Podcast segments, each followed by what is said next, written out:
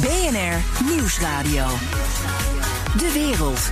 Bernard Hammelburg. Welkom bij het beste binnenlandse programma over het buitenland. Straks, wat nou als een flink deel van de mensheid weigert om het coronavaccin te gebruiken? Daarover houdt RIVM-directeur Roel Cortinho. Maar nu eerst. Met Amerika in de lappenmand grijpt China de macht in Azië. Peace and development remain the underlying trend of our times. Meeting challenges through cooperation is the only way forward for us in the international community. Via een was dat de Chinese president Xi Jinping vandaag met een subtiele sneer naar Amerika. China en 14 andere landen hebben het grootste regionale handelsakkoord ter wereld ondertekend, zonder Amerika. Staat Joe Biden nog voordat hij is aangetreden al buitenspel in Ik praat erover met Oscar Garschagen, oud-correspondent in China en schrijver van het boek De Chinese Droom. China en de betrokken landen werken al acht jaar aan deze deal, maar ze sluiten het akkoord precies nu Amerika onder druk is met de nasleep van verkiezingen en net als in Europa in de ban van corona. Is dit toeval? Nee, natuurlijk niet. Het is een. Uh Volgens de Chinese Communistische Partij, die eh, eind oktober eh, bijeen was, het Centraal Comité, is dit een eh, periode van strategische kansen. Dit is een periode van diepgaande veranderingen in de balance of power in de wereld. En van die gelegenheid, van die strategische kansen, maakt China op dit moment volop gebruik. Ja. even los van wat de deal concreet inhoudt. Kun je zeggen wat China hiermee dus in, dat in, in, in ieder geval in Azië de dominante speler wordt? Absoluut. Uh, China is de, uh, zoals ik ergens las, uh, de shaker en maker van deze deal. En is de shaker en maker van Azië. dat is natuurlijk al heel lang het geval. Maar in deze, deze nieuwe, hele grote, de grootste ter wereld zelfs handelsdeal is dat uh, zonneklaar. Ja. Um, ze hebben het, uh, denk ik, heel slim of formeel laten nou ja, buiten brengen door Cambodja, Singapore en Vietnam. Maar dat is alleen maar spel, neem ik aan. Op de achtergrond heeft China de regie. Op de achtergrond zeker. Uh, het is voor het eerst dat China een, een multilaterale handelsovereenkomst uh, sluit. Zoals je weet, uh, voorheen heeft, had China altijd voorkeur voor bilaterale overeenkomsten in het kader van verdeel en heers. Het is voor het eerst dat ze deelnemen aan een, aan een internationale brede multilaterale overeenkomst. En dat is natuurlijk uh, omdat uh, op dit moment uh, de, de, sterren heel gunstig zijn voor China. En ja. als China in de, in de, in de, laten zeggen, op de bok of op de brug had gestaan en alles had geleid, dan was het er nooit gekomen. Er zitten allerlei uh, uh, Japan zit erin, Zuid-Korea zit erin, er zit Australië in. Het, het is nogal een, een, een, mix aan systemen en aan denkwijzes. En als China dat alleen had geleid, dan was het er nooit gebeurd. Nee, nee dat ligt. Oké. Ehm, Obama heeft destijds geprobeerd het TPP-verdrag uh, uit te onderhandelen. een handelsverdrag, maar dan zonder China. En dat, dat lukte niet goed, althans hij heeft het er wel doorheen gekregen... maar Trump heeft het eigenlijk meteen daarna geschrapt. Heeft China met dit verdrag precies het omgekeerde bereikt... namelijk Amerika buitenspel zetten? Uh, op politiek gebied, in de beeldvorming zeker wel. Of dat in de praktijk van een handelsverdrag. Dat zijn razend gecompliceerde verdragen met allerlei handelspolitieke techniek. Uh, dat, dat is nog maar even de vraag. Het, dat TPP-verdrag en dit verdrag die verschillen nogal van elkaar op het gebied van mensenrechten, arbeidsomstandigheden en milieu. Maar daar komen we misschien later nog wel even over zeker, te praten. Zeker, zeker. Maar goed, een van de dingen is, daar zaten ook Latijns-Amerikaanse landen in. En daar zaten Latijns-Amerikaanse landen in. Overigens was het natuurlijk... Uh, dat was een hele prestatie van Obama, maar er was in de Verenigde Staten, zoals je weet, ook uh, behoorlijk breed verzet tegen dat hele TPP. Ja. Dus dat Trump dat terugdraaide, dat was niet een al te grote verrassing. Het is natuurlijk uh, uh, China speel, stapt hier ook in en wil dit ook graag. En dat heeft ook concessies gedaan. Om, vanwege corona en vanwege het feit dat, ze, dat in China al geruime tijd, eigenlijk al sinds 2008, uh, de Verenigde Staten als een instabiele, niet meer betrouwbare factor wordt beschouwd. Ja. Om de ja. effecten van corona te compenseren de economische effecten, zoekt China ook natuurlijk nu naar andere wegen om. Uh, naar andere afzetmarkten ook. Ja, je had het er al over. Dit, dit verdrag ziet er heel anders uit dan, dan TPP eruit zag. Um, allerlei mogelijke, moeilijke onderwerpen, zoals intellectueel eigendom, lonen, mensenrechten, dat is gewoon uitgelaten. Um, laat China als het ware zien dat je ook op een alternatieve manier zaken kunt doen. Is dat ook een signaal aan bijvoorbeeld Europa? Uh, dat is zeker een signaal aan Europa. Nu weet Europa natuurlijk al geruime tijd dat als het om mensenrechten, uh, arbeidsomstandigheden en ook tot op zekere hoogte milieu gaat, dat China een hele andere, een hele andere kijk op de wereld heeft.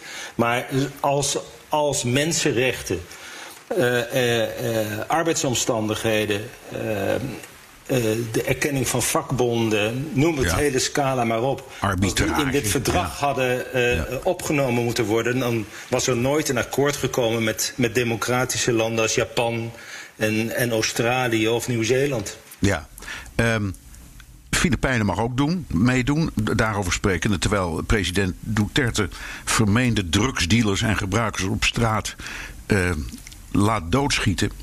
Hoe kan het, want je noemde dat, hoe kan het dat landen als Japan, Australië en Nieuw-Zeeland daar kennelijk ook geen scrupules over hebben? Uh, politiek. Uh, uh, dit soort kwesties wordt gescheiden van, uh, van handelspolitiek. de dominees en de kooplieden be bewandelen hier gescheiden paden. Net zoals zo vaak in Nederland het geval. Gebeurt dat natuurlijk ook in Oost-Azië, in de landen van de ASEAN is ja. de, de opstelling van de Filipijnen geen punt. Het is althans geen openlijk punt. Nee. Bekritiseren is weliswaar mogelijk. In Japan en, en ook Zuid-Korea wordt daar ook in de media heel kritisch en scherp over geschreven. Maar op het niveau van regeringen worden dit soort pijnlijke onderwerpen gemeden.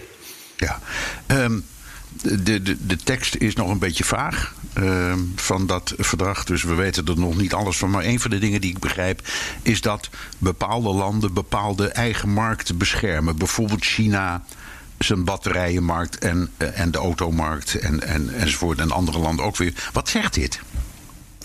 Uh, het zegt iets over laten zeggen, de, de flexibiliteit van de onderhandelaars. het was natuurlijk al moeilijk genoeg. En er zijn natuurlijk een aantal rode lijnen. Voor, uh, voor Japan is dat uh, de, de, de, markt, uh, de rijstmarkt. Dat is al, al, al decennia lang een, een, een, lastig punt. Ja, want zij vinden dat ze de, de enige echte en beste rijst ter wereld maken. Hè? Exact, exact. Ja. en elk land heeft zo zijn, zijn uh, Zuid-Korea heeft zijn, heeft zijn K-pop, uh, om maar eens iets te noemen. Uh, China, heeft, de, China wil op een aantal terreinen wereldleider worden. En één daarvan is de elektrische voertuigen en met name de batterijen. En de, de, de, de tariefafspraken voor deze sector zijn heel zwak, duren heel lang. En daaruit kan je concluderen dat China de, de markt voor elektrische voertuigen en met name de batterijen voor eh, de komende twintig jaar toch wil afschermen. Ja, begrijp ik.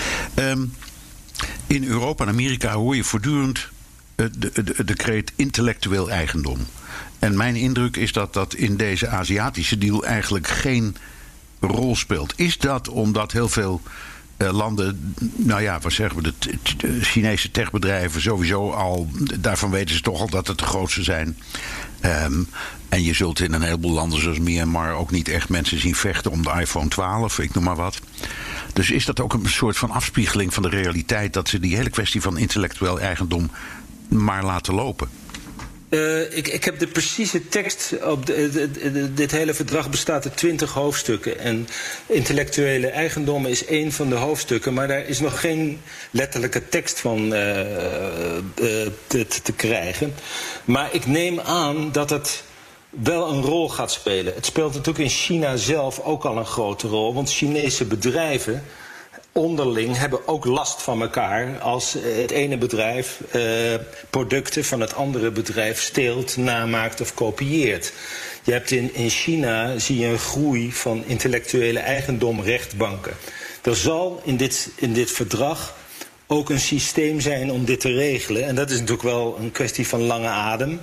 Maar ik neem aan, ook uit welbegrepen eigenbelang, ook van Japanse bedrijven, Zuid-Koreaanse bedrijven en ook Australische en Nieuw-Zeelandse bedrijven, dat daar iets op dit terrein gaat gebeuren. Het, is een, het gaat heel geleidelijk. Het is, het is echt een hele trage stroop die vloeit. Ja. Maar, goed, de, een... de, hele implementatie duurt jaren van dit verdrag, heb ik begrepen. Ja, twintig jaar. Ja, 20 jaar. Er wordt geen schakelaar omgehaald. Zoals, ja. Nee, ook wat dat betreft is het een beetje de Chinese cultuur. Hè? Take your time. Take your time, lange termijn, de visie. Kijk, China heeft dit verdrag ook willen sluiten... omdat uh, volgend jaar, 2021, het 100 jaar geleden is uh, dat de communistische partij is opgericht. Dat, dat wordt een groot feest. Hè? De grootste, nog enige, machtige, de machtigste communistische partij ter wereld.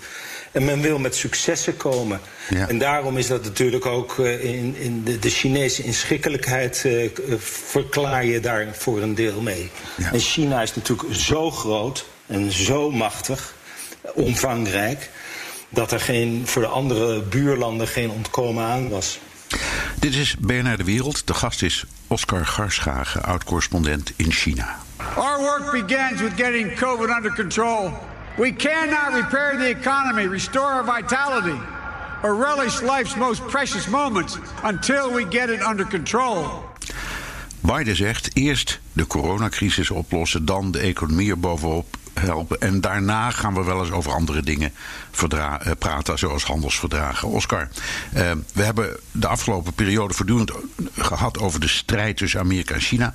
Is, kun je zeggen, dit een moment van de wisseling van de wacht? Is, is China nu, ik zou maar zeggen, de nieuwe kampioen van de vrijhandel? Als uh, voormalig, als Amerika-correspondent uh, Bernard wist ik dat je met deze vraag zou komen. Ja. En, en, ja, ik ben ook in Amerika-correspondent geweest. Zeker. Uh, je weet hoe ingewikkeld het ligt, handelsverdragen in Amerika. jij en ik herinneren ons de tijd dat Bill Clinton NAFTA onderhandelde met Canada en Mexico en hoe ingewikkeld dat was. In, de, in de Verenigde Staten is natuurlijk een hele beweging aan de gang die zeer gereserveerd staat tegenover handelsverdragen. Dus of Biden echt de ruimte krijgt om, uh, om hier uh, om, om aan te sluiten, dat is de vraag. Ik denk ook verder dat de rol van Amerika natuurlijk niet is uitgespeeld. Amerika beheert de belangrijkste reservemunt de dollar, ook in Azië de munt waarmee zaken gedaan worden.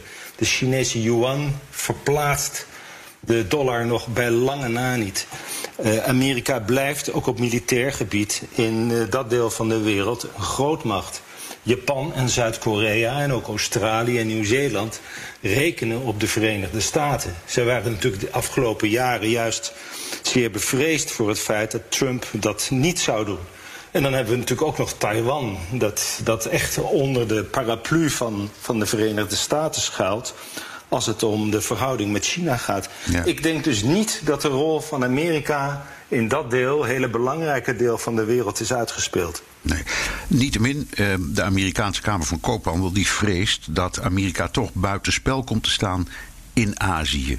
Dat gaat natuurlijk dan vooral om de handelskant, niet zozeer om de geopolitieke en strategische kant. Hebben ze een punt? Natuurlijk hebben ze een punt. Uh, om een vergelijking te trekken.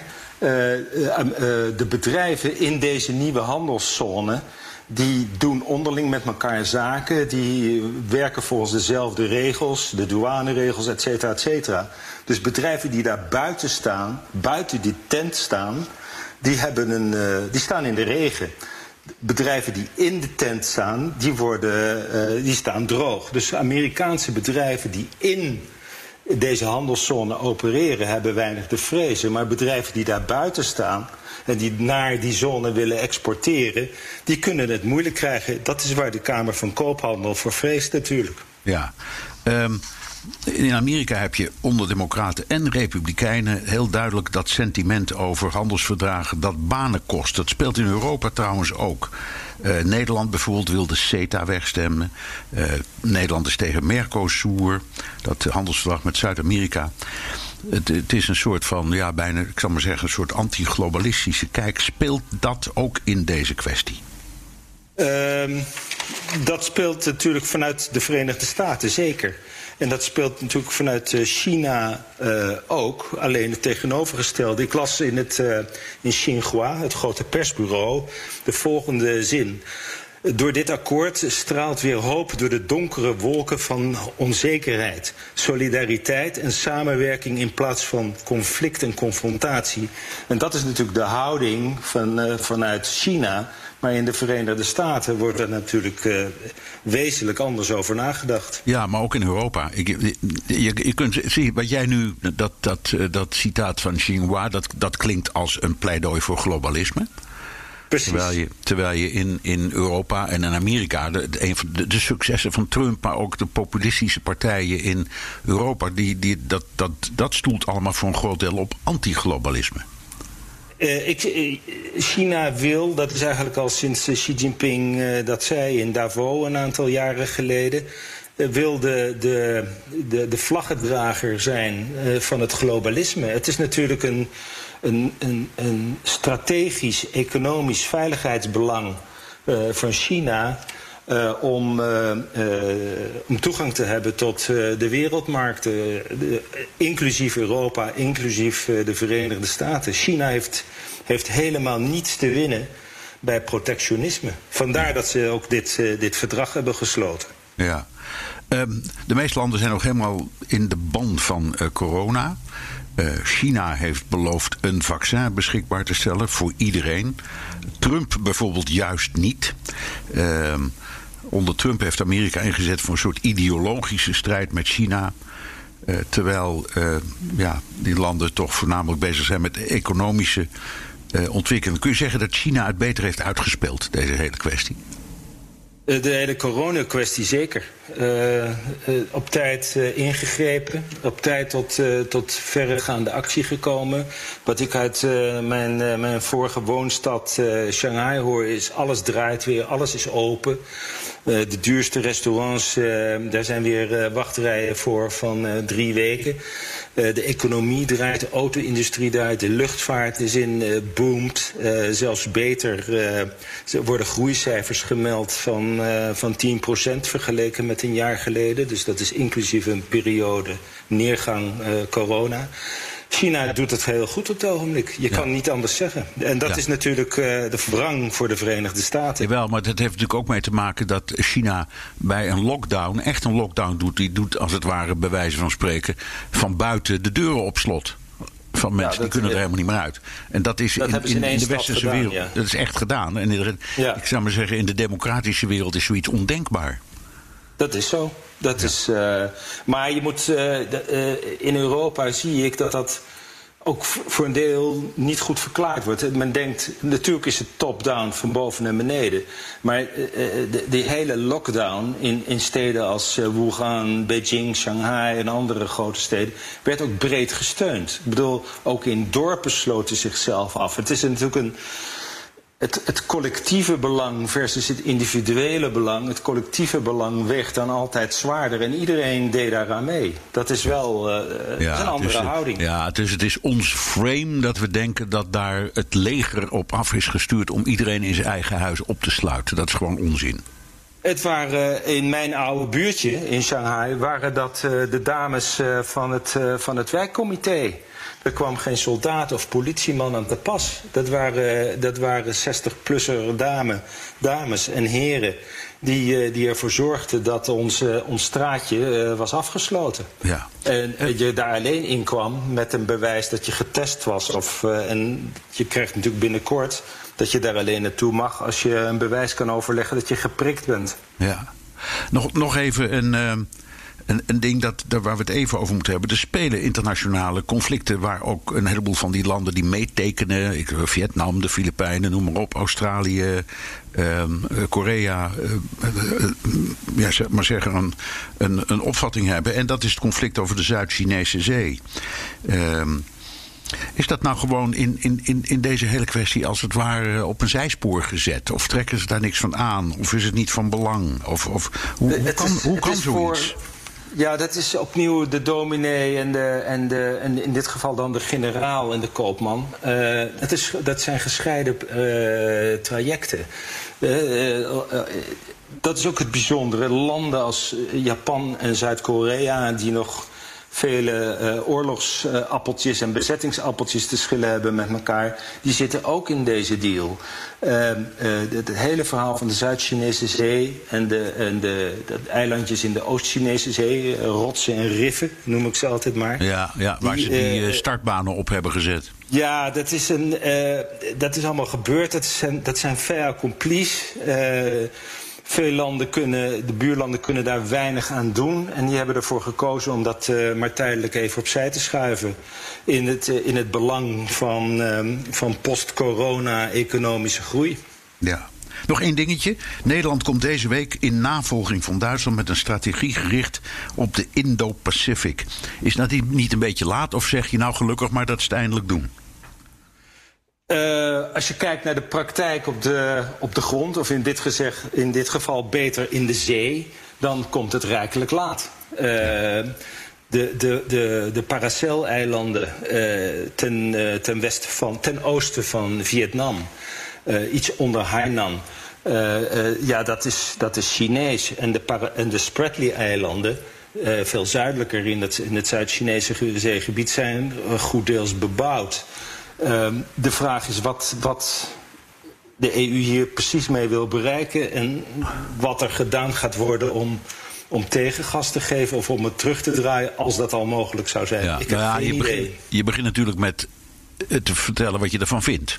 Dat, dat... Ja, maar dat doet de EU natuurlijk al geruime tijd. Maar de EU is geen militaire of anderszins een grootmacht. En de EU weet dit in de onderhandelingen met, met China in de gesprekken met China ook steeds te scheiden. En de EU heeft op dit moment, als het om China gaat, ook hele andere zorgen. Onder andere de, de enorme afhankelijkheid als het gaat om, om, om high-tech, eh, Huawei.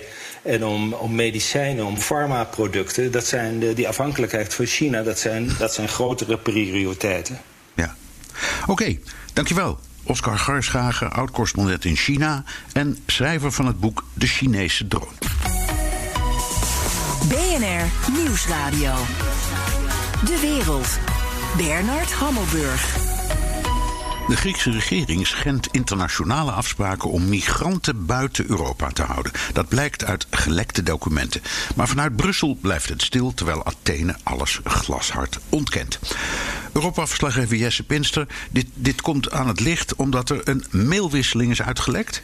Ja, die is in handen van de nieuwswebsite EU Observer. En het zijn e-mails van Frontex, de Europese grensbewakingsdienst.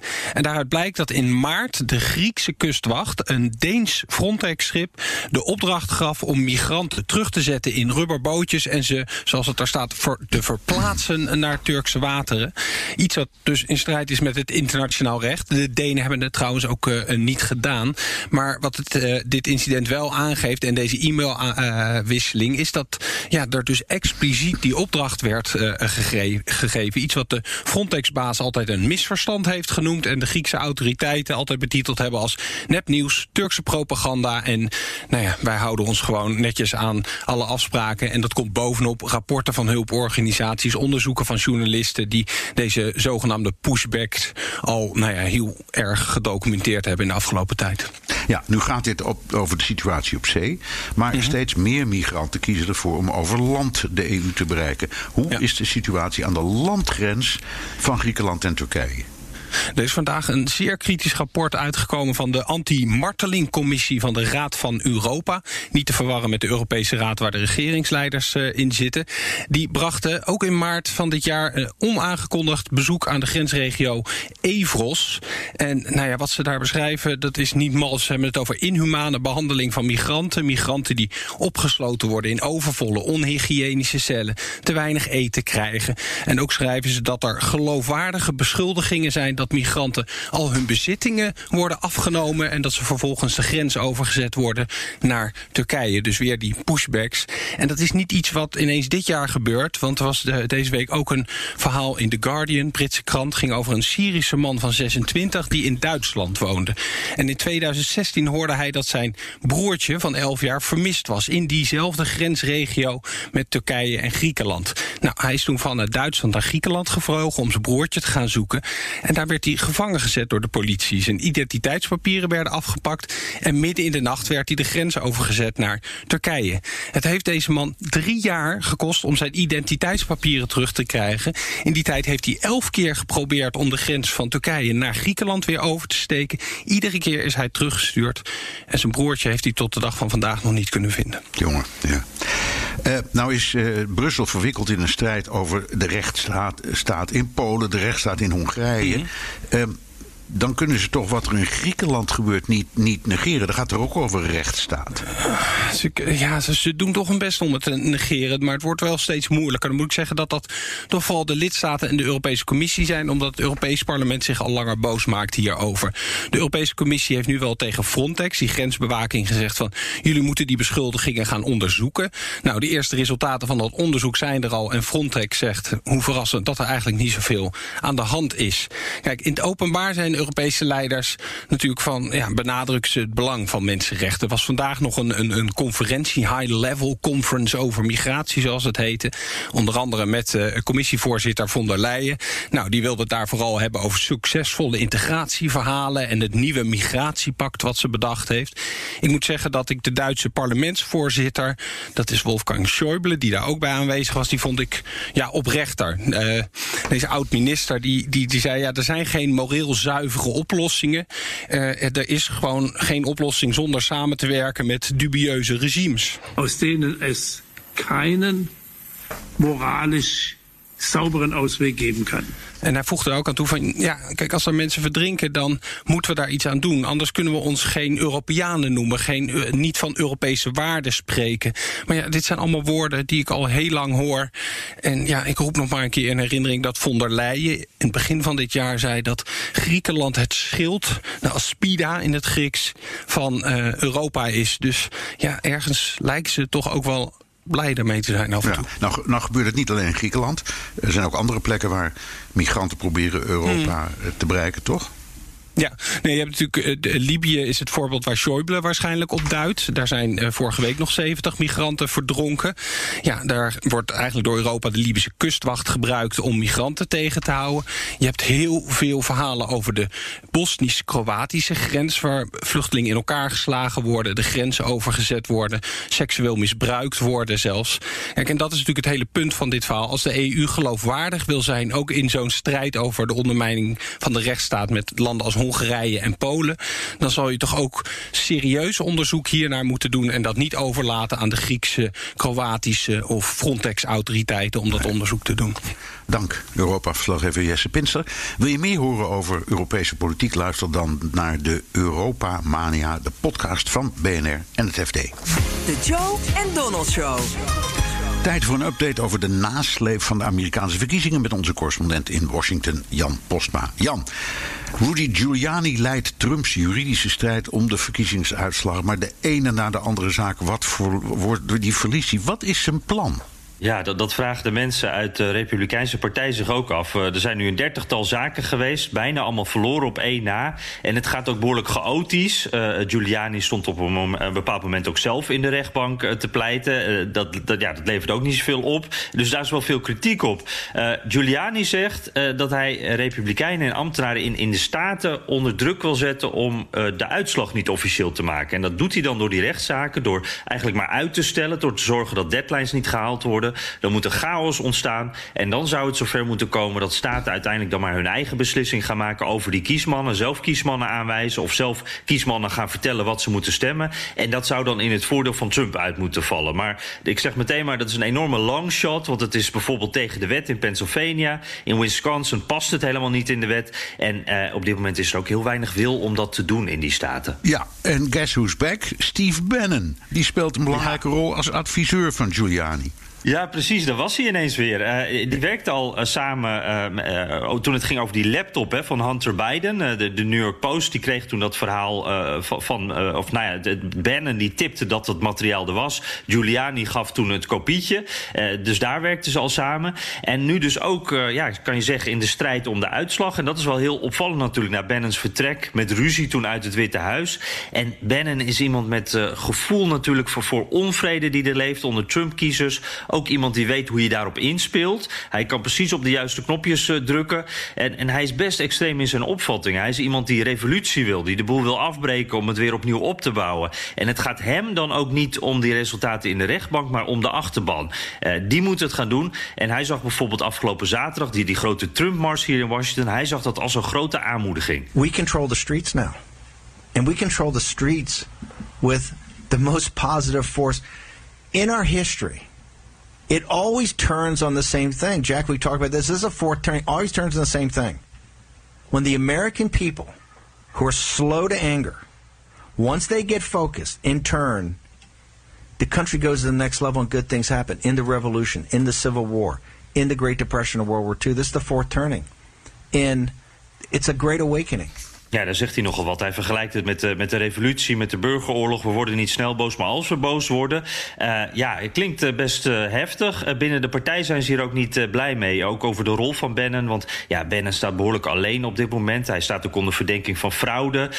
Trump heeft hem nog niet publiekelijk weer omarmd. Dus dit weet ook niet precies wat hij ervan vindt. En binnen de partij is er gewoon weinig geloof in dit plan. Ze er wordt gezegd van, oh, deze mannen denken dat ze agressief zijn... en dat ze daarmee wat gaan, gaan, gaan losmaken. Maar het is uiteindelijk gewoon chaos. Ja, gaat om de publieke opinie. Wat doet het Biden-camper tegen? Ja, uh, dat is ook wel interessant. Want uh, je ziet dus dat dit wel uh, gedeeltelijk werkt, hè, die, die strijd om de publieke opinie. De, de, helft tot driekwart van de Trump-supporters gelooft dat er inderdaad fraude was. Hangt er even vanaf welke peiling je volgt. En democraten zijn daar vaak toch wat minder goed in, in dat bespelen van die opinie. Maar ze proberen het wel. En ze krijgen daar bijvoorbeeld ook wat hulp bij. Dit is een groep pro-Biden republikeinen met een heel vriendelijk eigenlijk filmpje. Republican leaders in Pennsylvania's General Assembly have been clear. The results of the election were conclusive, and the people's votes will stand. All across the Commonwealth, Republican election officials ran a free, fair, honest election, despite the pandemic and record turnout. President Trump's Homeland Security Department even called this election the most secure in American history. Thank you, Pennsylvania Republican leaders, for running an election we can all trust. Ja, er is geen fraude. De verkiezingen waren eerlijk. En dat is mede dankzij Republikeinen. Dus dit is duidelijk ook aan Republikeinen gericht. Uh, deze is heel anders. Een andere, toon van Midas Touch. Uh, die, dat is ook een actiegroep. Die, die is heel hard en persoonlijk en gericht op Emily Murphy. Zij leidt de GSA. Dat is zeg maar de organisatie die dat transitieproces. waarin Biden wordt voorbereid op het presidentschap. Zij kunnen dat starten. zij houdt dat op dit moment tegen. En, en nou, dit filmpje is voor haar. And now Emily Murphy created chaos by unlawfully refusing to sign paperwork to permit a smooth transition to President elect Biden, placing our lives at risk. What do you see as the biggest threat to your transition right now, given President Trump's unprecedented attempt to obstruct and delay a smooth transfer of power? More people may die. Emily Murphy is a national disgrace. Tell Emily Murphy to sign the transition papers now. Midas Touch is responsible for the content of this advertising. Ja, doet dit dan wat tegen het geweld uh, in de media van Trump, van OAN, van Fox? Dat, dat denk ik niet. Uh, iedereen gelooft toch uiteindelijk wat hij wil, maar het is dus echt weer een strijd om de waarheid. Dankjewel, Jan Postma, correspondent in Washington. Wilt u meer horen over het fascinerende land? Luister dan naar de Amerika-podcast van Jan en mij. BNR Nieuwsradio. De wereld. Steeds minder Europeanen zijn bereid om zich te laten inenten als er een coronavaccin op de markt komt. En we kunnen die pas inzetten als alle testfases goed doorlopen zijn. En als uit toelating door het Europees Medicijnagentschap blijkt dat een vaccin effectief en veilig is. Want dat is een absolute voorwaarde. Dat was minister Hugo de Jonge van Volksgezondheid. De onrust komt net terwijl twee grote producenten van vaccins veelbelovende resultaten presenteren. Ik praat erover met Roel Coutinho, epidemioloog en oud-directeur van het RIVM. Twee vaccinproducenten, Pfizer en Moderna, komen met positief nieuws over hun vaccin. Allebei ruim 90% effectief. Wat zegt dat nou precies? Uh, nou ja, kijk, het, is, het, is gunstig. Het feit ook dat het twee vaccinproducenten zijn die dat allebei uh, melden. Dus dat is een, echt een goed bericht. En onverwacht hoog. Maar het is natuurlijk allemaal op basis van persberichten. Dus niemand weet nog precies hoe die studiegroepen in elkaar zitten en hoe ze het allemaal gedaan hebben. En dat is voor de beoordeling echt wel essentieel. Ja, dus je moet als het ware, um, even in mijn lekentaal, er moet een wetenschappelijke toets zijn. Hoe ziet die eruit en wanneer zeg jij nou, nou, nu denk ik dat, dat, die, dat we er zijn met dit ding? Nou ja, kijk, eh, zij, zij, zullen ongetwijfeld dat aan de FDA en de EMA, dat zijn de twee organisaties in de Verenigde Staten en in, uh, in Europa die dat beoordelen, zullen ze al gegeven. Ja, waar, waar Hugo de Jonge het ook over had in dat citaat ja, net. Ja. ja, maar dat is niet genoeg. Ik vind dat uh, juist bij zoiets essentieels is het ongelooflijk belangrijk dat het heel snel uh, in de wetenschappelijke pers komt. Dus dat betekent dat alle gegevens uh, gepubliceerd moeten worden in een artikel, in een goed tijdschrift, en dat je allemaal kunt lezen hoe het in elkaar zit. Want al die mensen die op de hoogte zijn van deze dingen, die wordt ook gevraagd om een oordeel. En die moeten ze ook kunnen hebben. Dat kunnen ze alleen hebben als je goede artikelen hebt. Ja, even in, ook weer in lekentaal. Wil jij als vakman gewoon weten wat erin zit? Ik wil niet alleen weten dat erin zit, ik, uh, want dat is over het algemeen wel bekend, dat is al beschreven, maar ik wil precies zien hoeveel mensen er ingeënt zijn, wat de leeftijdsgroepen waren, hoeveel mensen er waren die tot de, uh, tot de risicogroepen behoren, hoe het is met hoeveelheid virus uh, en dergelijke bij de mensen die toch geïnfecteerd zijn. Allemaal detailvragen die in die persbriefings niet staan. Nee. En um, laten we nou even positief denken, want dit, dit, zijn twee bedrijven die niet zomaar met zo'n bericht komen, denk ik dan, en jij geloof ik ook wel. Um, als dit nu allemaal loopt zoals je zegt dat het zou moeten lopen, wat voor tijd gaat er dan nog overheen voordat de wetenschap, mensen zoals jij zeggen, jongens, ga je gang? Nou ja, kijk, ik denk dat het niet aan ons is om dat te beoordelen. Ik denk dat die twee organisaties, de FDA en de EMA, die zijn natuurlijk op dit gebied hebben ze sporen verdiend en die zullen daar heel precies naar kijken. En op het moment dat zij zeggen van het is uh, goed uitgetest en het mag op de markt, nou dan kun je er zeker van zijn dat ze het van alle hoeken hebben bekeken. Dus daar uh, heb ik vertrouwen in. En inderdaad, het is gewoon positief nieuws. Uh, hoe snel het gaat. Ja, dat is uh, voor mij moeilijk in te schatten. Het gaat erom dat uh, er moet natuurlijk productie zijn. Nou ja, daar zijn ze al mee opgestart. Maar hoe snel dat gaat, dat weet je niet. En uh, nou ja, dan heb je natuurlijk ook het afleveren en, en zo, de organisatie. Dus dat kost wel, wel nog wat tijd. En, en ja. hoe snel dat gaat, is moeilijk exact aan te geven. Ja, in veel Europese landen, trouwens ook elders in de wereld, daalt de bereidheid om weer te laten vaccineren. In Frankrijk um, zegt 54% van de volwassenen uh, dat niet te willen. In Nederland wil geloof ik maar 40% of 50 of 60%, maar in geval een minder, een, een, niet zo grote groep zich laten inenten. Wat zijn nou de gevolgen voor de effectiviteit van een vaccin als de bereidheid um, niet zo heel hoog is? Nou ja, die onderzoeken zeggen mij eerlijk gezegd niet zo heel erg veel. Uh, want in de eerste plaats wat mensen zeggen is niet wat mensen doen. Dat is een oude regel in dit soort uh, dingen. En ik denk dat in eerste instantie uh, gaat het natuurlijk om de vraag... wat vinden mensen die een verhoogd risico lopen. Dus dat zijn in principe de mensen zeg maar boven de 65 met andere aandoeningen. Laten die zich inenten. En ik denk de verwachting is, redelijk verwachting, dat de bereidheid onder die groep wel degelijk hoog is. Omdat ze natuurlijk ook weten dat ze ernstig ziek kunnen worden. Dus daar maak ik me eigenlijk geen zorgen over als er een goede voorlichting is. Ja. Uh, het ligt heel anders natuurlijk voor uh, mensen die veel jonger zijn. En die zullen zeggen, ja luister eens, ik uh, loop helemaal geen risico. En waarom zou ik me laten inenten? Want dat doe ik dan dus eigenlijk niet zozeer voor mezelf, maar voor anderen. Ja, dat is lastiger. En ook de beroepsgroepen, hè, dat zijn de verpleegkundigen, de artsen... daar zal dat ook nog wel een discussie worden. Ja. Mag ik even een paar vooroordelen doornemen? Want die hoor je dan steeds. Hè? Bij tennisser Djokovic en zo bijvoorbeeld, die sceptisch, die, is tegen vaccins. Uh, je hebt complottheorieën uh, dat Bill Gates bezig is om ons allemaal een chip in de arm te stoppen. En van dat soort dingen. Nou, eerst dat soort verhalen. Wat denk je als je dat hoort? Nou ja, ik heb vroeger uh, in een, in een tv-uitzending... naar aanleiding van de baarmoederhalsvaccinatie... heb ik dat indianenverhalen genoemd. Daar kreeg ik geweldig op mijn kop voor... want uh, ik moest het veel serieuzer nemen. En ik denk ook dat je inderdaad die zorgen wel serieus uh, moet nemen. Maar soms is dat wel lastig, omdat als mensen gaan zeggen... ja, er zit een chip in of iets dergelijks... ja, dat is zo'n vreemde opvatting. Wat moet je daarmee? Hè? Ja, daar kan je niet veel mee. Ik kan me voorstellen dat je dan zegt, dan ben ik uitgepraat.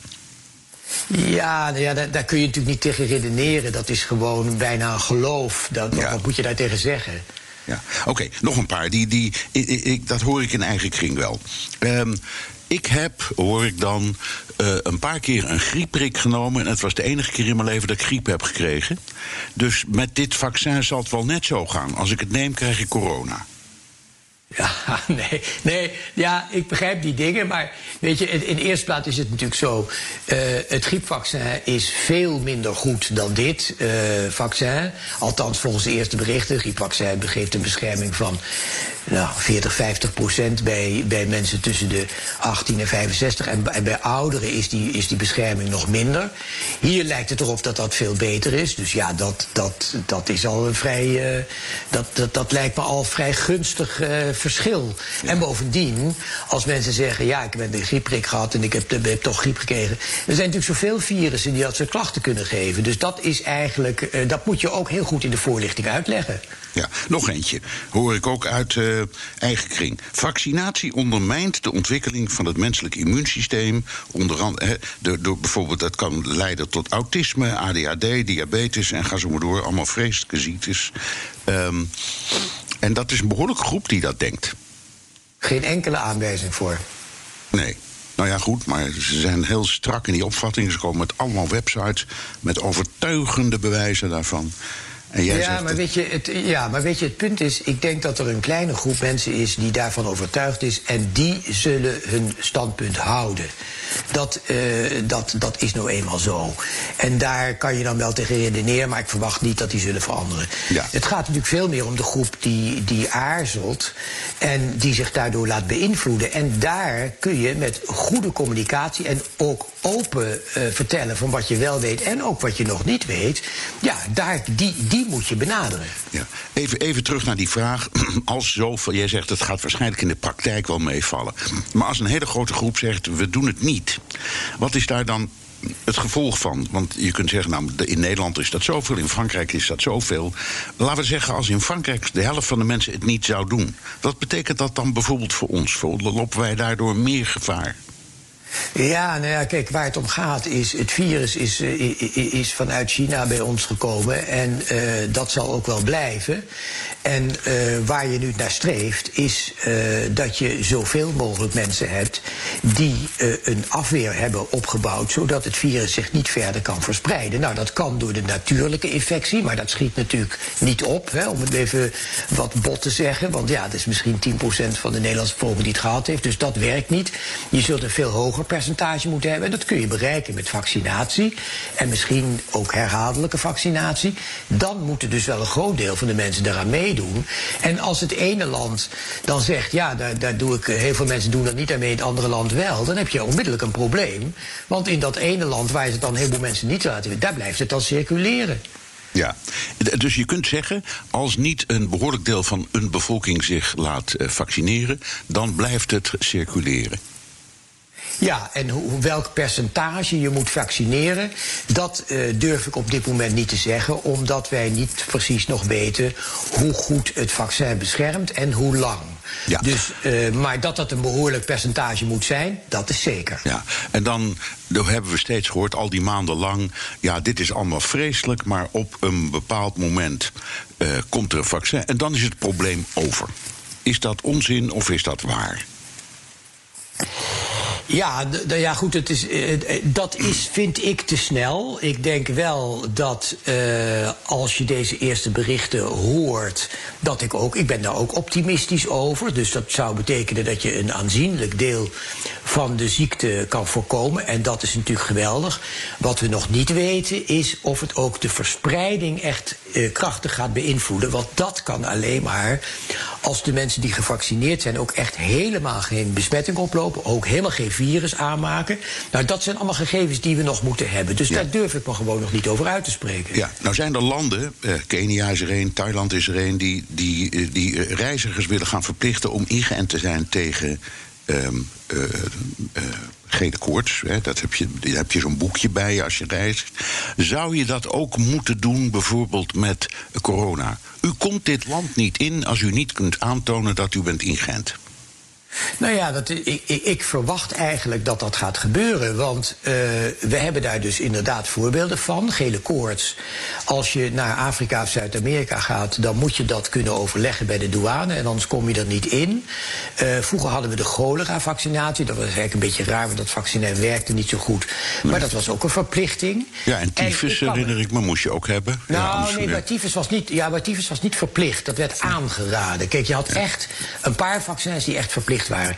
Dus dat precedent is er. Uh, en ik kan me heel goed voorstellen dat een land zegt: ja, ik wil uh, dat je ingeënt bent, want op die manier kan je niet het virus verder verspreiden. En dat is, uh, ik, ik, ik zou mij zeer verbazen. Als dat niet zou gebeuren. Dus nee. als, als he, dat een land dus zegt, de Verenigde Staten, maar ook andere landen, je moet gevaccineerd zijn, anders kom je hier niet in. Dat kan.